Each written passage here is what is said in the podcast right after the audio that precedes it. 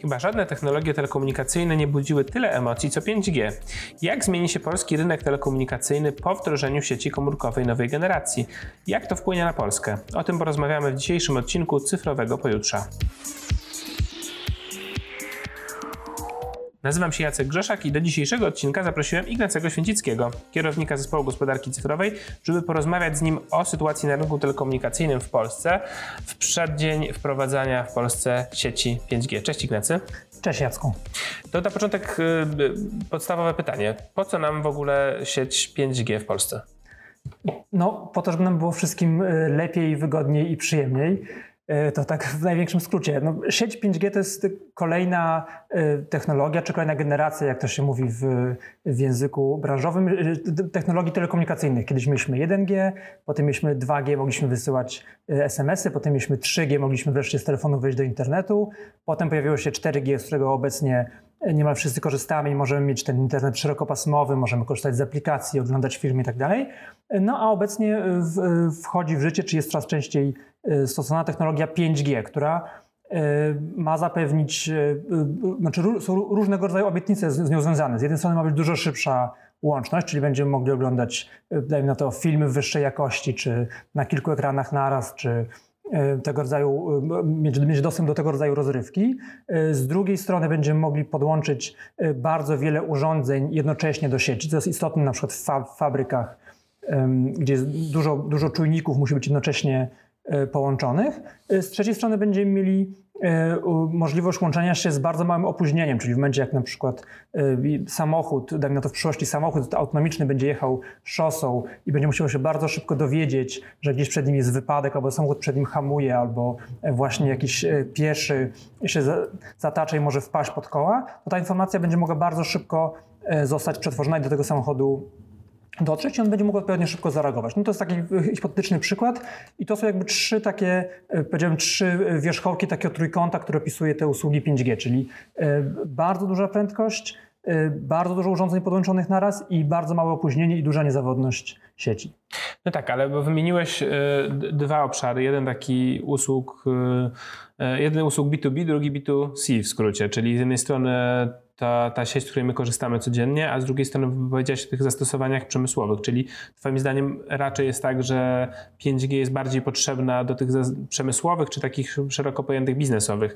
Ona jest bardziej potrzebna e, w przypadku tych zastosowań przemysłowych, czy raczej nie da się tak powiedzieć i, um, i tak, samo, tak samo z nich będziemy wszyscy my korzystać jako indywidualne osoby? Mi się wydaje, że większa, e, że tak powiem, część tej obietnicy 5G jest właśnie w tej części przemysłowej i tej części, jak to nazwałeś, B2B, e, to znaczy Oczywiście my też będziemy mieli szybszy transfer w komórce i to zawsze pewnie fajnie, jak nie wiem, film się ściąga szybciej niż wolniej, ale dużo nadziei się właśnie wiąże z tym zastosowaniem 5G w przemyśle, szczególnie przynajmniej obecnie, szczególnie jeżeli chodzi o, o fabryki tak? i o możliwość automatyzacji czy usprawnienia pracy w fabryce, właśnie połączenia wielu maszyn, połączenia czujników, które jednocześnie są w stanie monitorować pracę tych maszyn, czy te maszyny się nie psują, czy one działają w odpowiednim rytmie. E, I to są takie zastosowania, które widać na przykład nie wiem, w Korei Południowej czy w Niemczech. Tam to już jest wdrażane obecnie e, w przemyśle. Czy to można nazwać Internet of Things, czy to jest jeszcze inne pojęcie? To jest element tego, co nazywamy Internet of Things. Tak, Internet of Things no to są generalnie przedmioty podłączone do internetu. No, może to być e, z jednej strony ta mityczna lodówka, która e, od zawsze jest nam obiecywana, że ona sama nam zamówi mleko, jak to mleko nam się skończy. E, no, a z drugiej strony mogą to być oczywiście Mogą to być oczywiście czujniki, które są w fabryce, no a z trzeciej strony mogą to być też różnego rodzaju inne rzeczy. Możemy mieć tego typu rzeczy również w domu. Możemy mieć, nie wiem, termostaty, którymi, które są jakoś tam inteligentne, czy reagują na, na zmiany warunków, czy możemy nimi sterować zdalnie. Więc jakby to Internet of Things to jest bardzo szeroki kapelusz nawet różnych rzeczy, w szczególności na to, o czym mówiłem e, w tych fabrykach i w przemyśle. To jeszcze do tych e, wątków takich gospodarczo-przemysłowych jeszcze pewnie wrócimy, ale chciałem Cię dopytać o no żeby właśnie sobie trochę uporządkować te pojęcia, bo mam wrażenie, że o 5G jest bardzo dużo i chyba każdy gdzieś słyszał i zetknął się z tym pojęciem. Natomiast y, chyba mało kto rozumie, co to znaczy. E, powiedziałeś o tej, o tej wysokiej prędkości połączenia, e, ale mm, sieć 5G, z, jak rozumiem, ona się tym też wyróżnia od tych poprzednich generacji, że ona operuje na bardzo różnych e, pasmach i z tym jest związane właśnie to, to pytanie, które sobie zadają klienci usług telekomunikacyjnych w Polsce, którzy nie do końca rozumieją o co chodzi z tymi, z tymi sieciami 5G, które są teraz obecnie oferowane już od, od, od, od kilku miesięcy przez operatorów w Polsce. Czym one się różnią od, tych, od tej sieci 5G, która będzie poddana, od tych częstotliwości, które będą poddane aukcjom i które aukcje, które w zasadzie nie wiadomo, rozumiem, kiedy się odbędą, bo one się, się jakoś tam odwlekają. Czyli jakby na czym polega ta sieć 5G teraz oferowana i na czym będzie polegała ta oferowana z tych nowych częstotliwości sprzedanych na aukcjach? Y, rzeczywiście w tym momencie operatorzy w Polsce już zaczęli reklamować y, swoje usługi jako 5G, znaczy pokazywać, że są w stanie zaoferować y, usługę 5G. I tak jak powiedziałeś, no kluczowe dla, dla 5G są zasoby częstotliwości te, te, częstotliwości, które miały być sprzedane na aukcji, które miała się odbyć wiosną, no obecnie została odłożona i, i będzie musiała być powtórzona, to są częstotliwości, które są zharmonizowane, znaczy w całej Unii Europejskiej e, i, i też szerzej te, te, częstotliwości, czyli e, zakres między 3400 a 3800 MHz, to jest zakres, który jest przeznaczony właśnie na sieci 5G. I tu dodajmy, Co? że to są, jak rozumiem, te wysokie częstotliwości z tego całego spektrum, w którym... To są średnie częstotliwości. Średnie częstotliwości. Wysokie częstotliwości to jest na przykład pasmo 26 GHz, okay. czyli dużo, dużo wyższa częstotliwość fali radiowej. I y, do, do, tym za chwilę powiem, ale wracając mhm. do tej częstotliwości, które miały być na aukcji, to, że one są zharmonizowane, to oznacza tyle, że kraje na świecie się wspólnie umówiły, że w tym zakresie będą, y, będzie można używać y, bezprzewodowej łączności mobilnej w uproszczeniu 5G. A co za, co za tym idzie? powstają zarówno anteny radiowe, jak i urządzenia końcowe, czyli np. telefony czy routery, które działają właśnie, oferują usługę 5G w, tej, w, tej, w tym zakresie częstotliwości. Więc, więc to jest jakby przewaga tworzenia 5G w paśmie tym zharmonizowanym. Plus tam jest stosunkowo dużo, duży zasób, bo tam jest 400 MHz pasma. To jest dość duży zasób, na którym można właśnie sieć o bardzo dobrych parametrach y, budować. A co się obecnie I, znajduje na tych pasmach, tak dopytam? One są puste, tak? Czy... Y, obecnie y, częściowo są puste, dlatego mogą być wystawione na aukcje. Częściowo są tam lokalne rezerwacje na dawne sieci WiMAX, które na przykład miały samorządy. Częściowo tam są jeszcze jakieś inne, inne inne chyba zastosowania. Stąd e, też w tej aukcji jakby nie, nie, całe, nie, nie całe to pasmo miało być sprzedane od razu, tylko tam była dyskusja, że e, część miała zostać sprzedana później, a, a, a tylko tam chyba z tego co pamiętam 320 MHz miało być sprzedane w tej aukcji. Natomiast jeżeli chodzi, to jest tak, dwa pozostałe wątki. Jeżeli chodzi o to, co obecnie oferują operatorzy i co nazywają ofertą 5G, to jest usługa 5G oferowana na, na częstotliwościach, które już obecnie są w posiadaniu operatorów. Czyli to jest e, przede wszystkim e, pasmo 2100 MHz i 2600 MHz, e, które, gdzie, gdzie, z jednej strony tego zasobu pasma nie ma aż tak dużo jak w tym paśmie, o którym przed chwilą mówiłem, co oznacza, że parametry tej usługi, czyli prędkość, jaką, prędkość, jaką dane są przesyłane, nie będzie aż tak duża.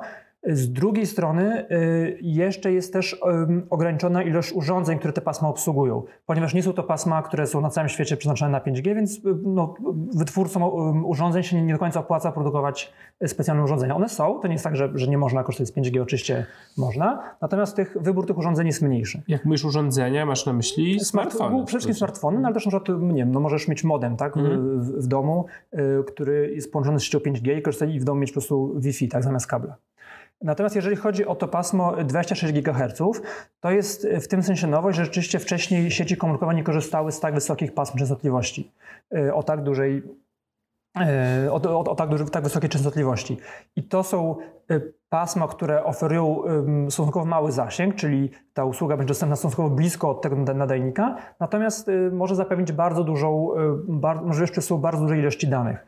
To na przykład się przydaje, nie wiem, powiedzmy w centrum handlowym, gdzie bardzo dużo osób naraz będzie chciało y, szukać promocji, coś sprawdzać, czy się łączy, albo na przykład na, na, stadionie, gdzie wszyscy nas będą chcieli oglądać na telefonie powtórkę akcji, którą gdzieś tam widzieli na dole na boisku. W takich środowiskach, gdzie jest bardzo dużo urządzeń czy osób naraz używających sieci, y, to pasmo może być wykorzystywane. I wydaje się, że ono też budzi jakiegoś rodzaju kontrowersje, w sensie te pasma milimetrowe, które wcześniej nie były, y, nie były używane do sieci komórkowych, też być może są jakoś tam kontrowersyjne. Bo tutaj rozumiem, też chyba warto zrobić takie małe przypomnienie z fizyki, e, które zakładamy, że większość naszych słuchaczy to, to, to rozumie, ale ja sam się często w tym, w tym, w tym gubię. Mówimy tutaj o częstotliwościach niskich lub wysokich, czyli o możliwości przesyłania fal dalej, to znaczy tych, te, te, fale, jeśli są niskie częstotliwości, to mówimy o tym, że to jest znacznie większy zasięg z jednego, z jednego źródła nadawania. Im są wyższe częstotliwości, tym jest krótszy zasięg.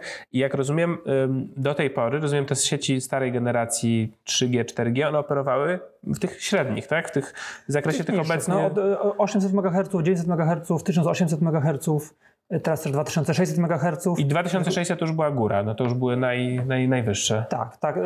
Z sieci mobilnych wydaje mi się, że że raczej tak. Natomiast y, trochę tej, tak jak mówisz, znaczy im wyższa częstotliwość tej fali, tym ona ma na przykład bardziej stłumiona przez jakieś budynki czy, czy inne przeszkody, więc, więc no, nie można nią pokryć większego obszaru, po prostu, bo ten sygnał zanika. No tak i e, jak rozumiem 5G e, tym się wyróżnia, że właśnie ono dotyczy bardzo różnych częstotliwości, tak? I że do tej pory był węższy zakres tych częstotliwości, w których mogła operować sieć 4G czy 3G. I jak rozumiem 5G e, może dotyczyć właśnie i tych bardzo, bardzo niskich częstotliwości i tych bardzo wysokich i znacznie wyższych, to co mówiłeś, że te, te, te przedziały, jakby te, te dawne, one są tymi średnimi, średnimi falami, a ale są możliwość znacznie wyższych fal. Jak rozumiem, wtedy to już jest, jeśli mówimy o tym 20 paru tysiącach gigaherców, to mówimy właśnie o zasięgu na jeden budynek, tak? Na jedno jakieś miejsce takie typu Nie, tak, tak, tak. Mówi, metrów. Mówi się, mówi się tak w takim uproszczeniu, że, że sieci budowane, że, że częstotliwość na przykład 700 MHz, taka, która, która również ma być przenoszona na 5G, to jest sieć pokryciowa, czyli służy do, do pokrywania dużego obszaru, tak? I można mieć rzadziej te nadajniki, a sieć powiedzmy budowana w oparciu o o częstotliwość 26 GHz, to, to, to sieć pojemnościowa, czyli e, mniejszy obszar, ale większą pojemność tam można wtedy, e, wtedy zmieścić. Teraz chciałem nawiązać do tego wątku, o którym rozmawialiśmy w, miesiąc temu w, w, pierwszym odcinku Cyfrowego Pojutrze, gdzie moim gościem był profesor Bogdan Guralczyk i rozmawialiśmy o chińsko-amerykańskiej rywalizacji. E, tu jak wiemy, i to też się pojawiało w tej dyskusji, jednym z teraz z tych takich mm, głównych obszarów tej rywalizacji, chociaż tych obszarów jest dużo, ale jednym z tych obszarów jest właśnie kwestia sieci 5G, jest kwestia Huawei'a i tu jak rozumiem, e, możesz mnie skorygować, Amerykanie od, od, od kilku lat starają się intensywnie wpłynąć na swoich sojuszników, żeby, żeby sieć 5G była wolna od, te instalacje wszystkie związane z tą siecią 5G były wolne od od chińskich kompo, komponentów. Widzę, że kiwasz głową.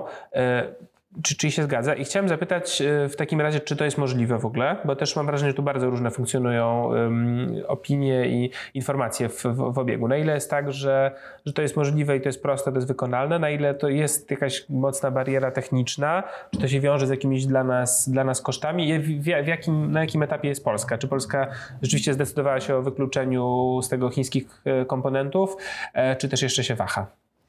Rzeczywiście to jest dyskusja w moim odczuciu w dużej mierze geopolityczna, w sensie dotycząca tego właśnie relacji między USA i Chinami, tego, że USA się zorientowały, że na różnych obszarach technologii, w tym 5G, pozostają z tyłu za, za Chinami, z którymi rywalizują. W pewnym momencie okazało się, że, że ta wielka zapowiadana i reklamowana rewolucja 5G, żeby ona nastała, to musimy kupić sprzęt radiowy e, albo z Chin, od, powiedzmy od Huawei albo od ZTE, e, no albo, albo z Europy, od Ericssona albo Nokia, tak? albo jeszcze ewentualnie od Samsunga, więc jakby, że ten wybór tych firm jest dość ograniczony, przy czym e, liderem, przynajmniej tak się mówi, że, że, że liderem tego wyścigu technologicznego była rzeczywiście firma Huawei, która oferowała najbardziej zaawansowany sprzęt, też w stosunkowo dobrych cenach. I tu rzeczywiście Amerykanie E, tak jak mówisz, tak jak rozmawiałeś z profesorem Góralczykiem, od kilku lat próbują e, tę pozycję Huawei'a podważyć, stosując coraz bardziej e, złożony system sankcji, ograniczeń dotyczących tego, kto i co może Huawei'owi sprzedawać. Natomiast no jest, tutaj, jest tutaj europejska alternatywa w postaci sprzętu Ericssona i, i Nokia. Ci operatorzy na tym mogą korzystać. Pytasz, czy jest możliwe, żeby stworzyć sieć bez tych chińskich składników? Więc y, no, tak, czysto teoretycznie jest to oczywiście możliwe. No, możemy zbudować sieć, kupić po prostu anteny, y, że tak powiem, innym, od innego do, dostawcy. Natomiast y, trzeba pamiętać, że sieć 5G przynajmniej w tym pierwszym okresie będzie y, oparta, będzie wykorzystywała urządzenia, które mamy obecnie w sieciach 4G. To nie będzie jakby samodzielna sieć 5G, ona będzie y, bazowała na tym, co już obecnie mamy zainstalowane. Więc, żeby mieć pewność, że nie ma tego sprzętu Huawei'a, no to oprócz tego, że musimy kupować nowy sprzęt e, u innych dostawców, to musimy jeszcze wymienić obecny sprzęt, który już teraz, ma, już teraz wisi na masztach. Już teraz mamy e, maszty czy urządzenia jakieś inne, które e, kupiliśmy, czy operatorzy kupili w pewnej mierze przynajmniej od, od Huawei'a. Więc taka całościowe pozbycie się tego sprzętu z sieci, no to wymaga też dużych zmian inwestycji w obecnie istniejącą, w obecnie istniejącą sieć. Tak, to ja od razu podpytam, bo też chciałem porozmawiać o, o, o tej infrastrukturze, e, bo to też jest taki ciekawy wątek, który mam wrażenie też znowu jest chaos informacyjny. W, tym momencie, jak rozumiem, jak mówisz o infrastrukturze, to mówimy o, o masztach. Sieć internetu, sieć komórkowa, e, sieć komórkowa opiera się na, na masztach, częściowo na na budynkach w miastach, tak, na których są montowane i na tym są montowane te stacje bazowe. I jak mówimy o o tych komponentach chińskich na przykład, tak, czy jakichkolwiek komponentach, to mówimy, rozumiem, o sprzęcie elektronicznym, który jest w tych stacjach bazowych, tak, no bo masz to masz, no to jest konstrukcja po prostu inżynieryjna, buduje się konstrukcję masztową i na tym, i na tym są wieszana elektronika. Jak rozumiem, ta elektronika w tych, w tych bazowych stacjach, w skrócie, skrót fachowców BTS, na tych BTS-ach, jak rozumiem, jest ta zaawansowana technologia, w której jest bardzo dużo tych komponentów aktualnie chińskich, tak? Tak, tak. No rzeczywiście jakby y, tak, to co najbardziej widać, no to na ulicach czy na budynkach to jest jakaś konstrukcja, maszcz czy jakaś antena, znaczy, znaczy maszcz czy jakiś spornik, na którym, który jest konstrukcją, że tak powiem, znaczy on jest czystym betonem albo czystą stalą, tak? Tam nie ma żadnej technologii i na tym są zawieszone anteny i urządzenia, które przetwarzają dane, które rozsyłają sygnał, odbierają sygnał. Taki to są, to są duży router, można tak trochę Można tak powiedzieć, tak, tak. To tak zwane urządzenia y, aktywne i one rzeczywiście, to te to jest jakby najważniejsze w tej, e, w tej sieci, to jak one działają i one rzeczywiście e, pochodzą między innymi od Huawei'a. I jak rozumiem, tak jak mówisz, jeśli będzie wprowadzane no rozumiem, że przechodzenie na sieć 5G, ono się będzie opierało na montowaniu jakby nowych urządzeń, tych nowych, nowych tych, tych urządzeń, czy, czy, czy one mogą być przestawiane, to znaczy te urządzenia, które były wykorzystywane do, do wysyłania sieci 4G, one teraz będą, zaczną wysyłać sieć 5G, czy takie to jest możliwe, czy ja dobrze rozumiem? Nie, z tego co ja rozumiem, to, to znaczy antenę muszę powiesić nowo, bo ona będzie operowała w innym zakresie częstotliwości. Y, natomiast, y, ale dobrze rozumiem, to w pierwszym okresie ta część, która te dane zbiera i przetwarza, będzie jeszcze w, jakoś w oparciu o te urządzenia e, obecnie stosowane w, e, w 4G. Natomiast zamiast samą antenę no, musi mieć inną, no bo jest to inne pasmo częstotliwości. I, I też, jeśli dobrze rozumiem, to tą sieć będą montowały w Polsce firmy prywatne. To znaczy mówimy, jeśli mówimy o zakazach na przykład dla Chińczyków, to nie mówimy o tym, że że państwo polskie będzie kupowało od, innej, od, innych, od innych firm, tylko że rozumiem, to jest kwestia wymagań stawianych przed operatorami komórkowymi w Polsce, że oni montując te swoje stacje, stacje bazowe, będą korzystali tylko z tej czy innej technologii. Czy dobrze rozumiem? Tak, znaczy y, y, to w Polsce obecnie przynajmniej y, sieci komórkowe są tworzone przez operatorów prywatnych, przez czterech operatorów. E, więc to oni będą odpowiedzialni za wymianę sprzętu, tudzież powieszenie nowego sprzętu. Natomiast państwo daje sobie możliwość certyfikowania czy kontrolowania tego, jak dostawcy dostarczają ten kluczowy, czy jak to się mówi ładnie, krytyczny e, sprzęt. E, I tutaj, tutaj e, jest rola właśnie ekspertów rządowych do spraw cyberbezpieczeństwa, którzy będą mieli e, możliwość certyfikowania tego sprzętu, sprawdzania, czy on pochodzi od dostawcy, który jest bezpieczny, czy który może rodzić zagrożenie, czy który jest wręcz niebezpieczny. No i w zależności od tego będą mogli się zgodzić, żeby taki sprzęt wisiał na tych, na tych masztach, czy nie. A powiedz mi, bo, bo, to, mnie, to mnie zastanawia i zastanawiam się, czy to ma w ogóle jakiś związek teraz z tym rozwojem 5G. E, to są te ruchy dotyczą dookoła Playa. Play zmienił w ostatnim czasie właściciela na francuską e, spółkę Iliad. I e, też równolegle, czy może nieco wcześniej, ogłosił plan sprzedawania wieży.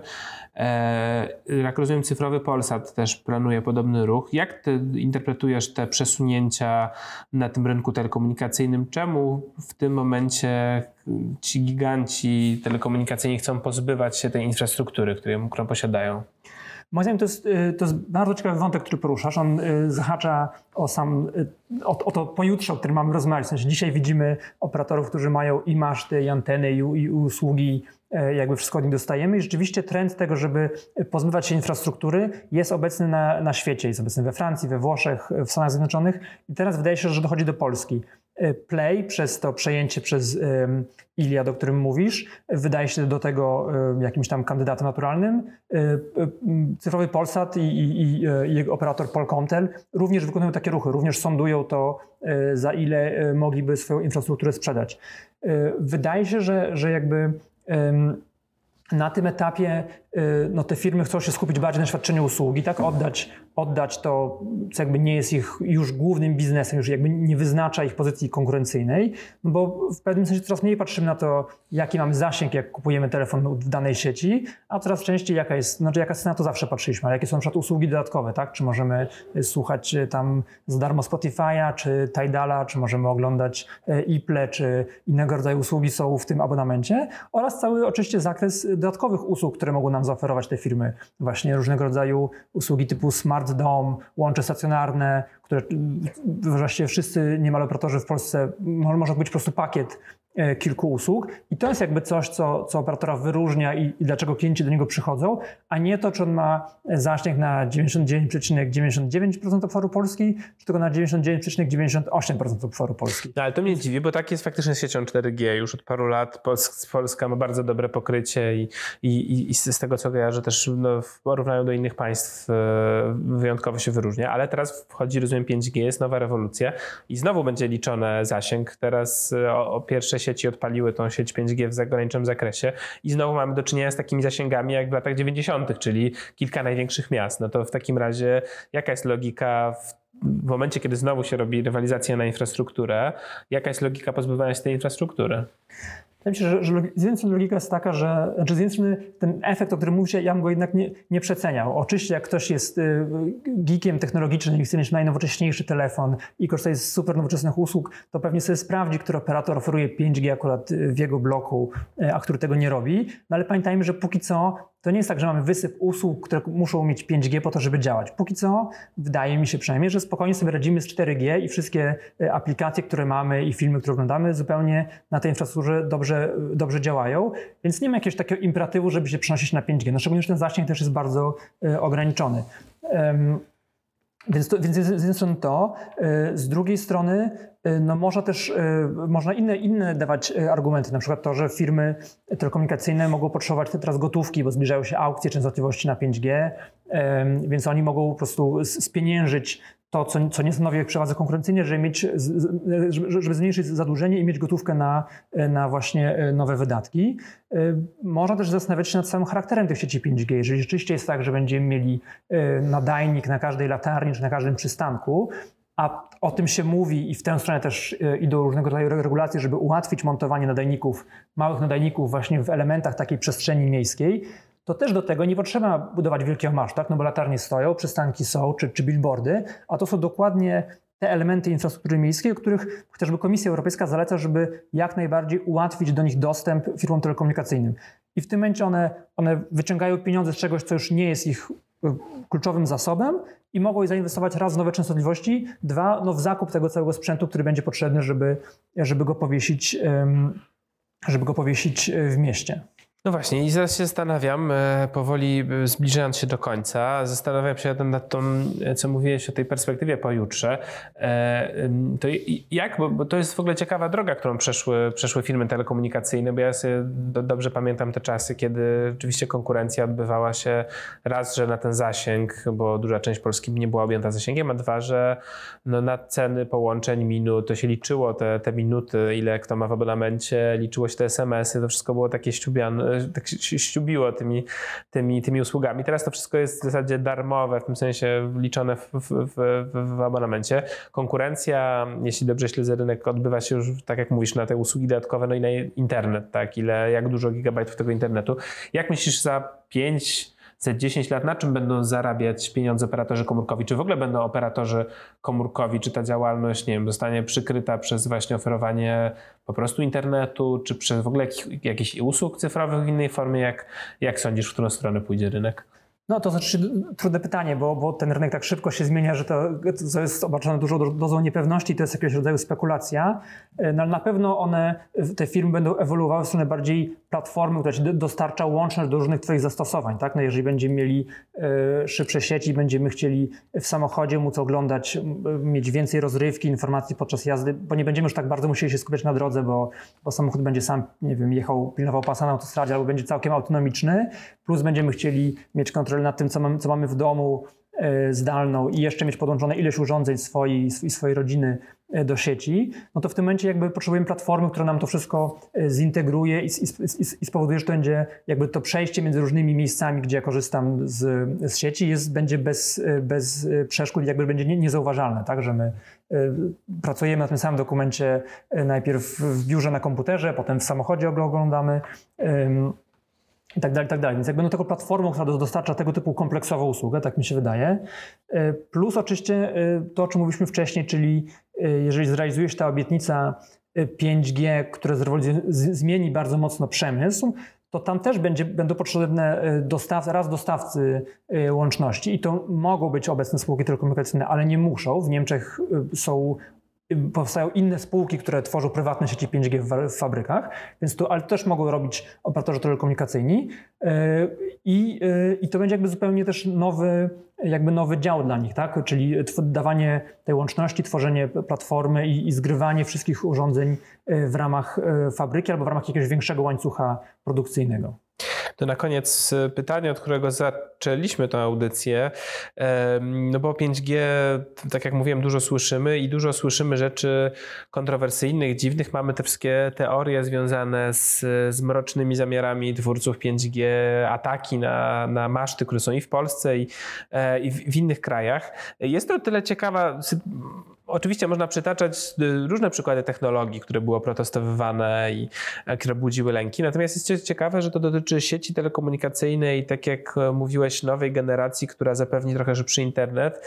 Nie było takich protestów przy 4G, przy 3G. Nie pamiętam, nie pamiętam akcji związanych z niszczeniem masztów komórkowych GSM, a można powiedzieć, że sieć GSM była większą rewolucją z tego, co mówisz, niż ta sieć 5G, która rozumiem trochę nam przyspieszy internet, opiera się na podobnych technologiach. Czy, czy, co Twoim zdaniem budzi tak duże emocje? Czy to jest może to moja hipoteza z tej rozmowy naszej?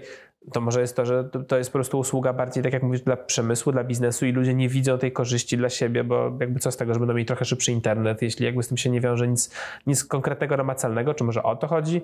Czy może chodzi o jakiś wyjątkowo napięty obecnie międzynarodowo czas? Nie wiem, czy ty widzisz jakieś racjonalne uzasadnienie do tego? Ja jeszcze chciałem, zanim y, y, do tego przejdę, chciałem tylko jeszcze jedną rzecz sprostować. Znaczy ja nie twierdzę, że 5G to będzie tylko trochę szybszy internet i nic więcej.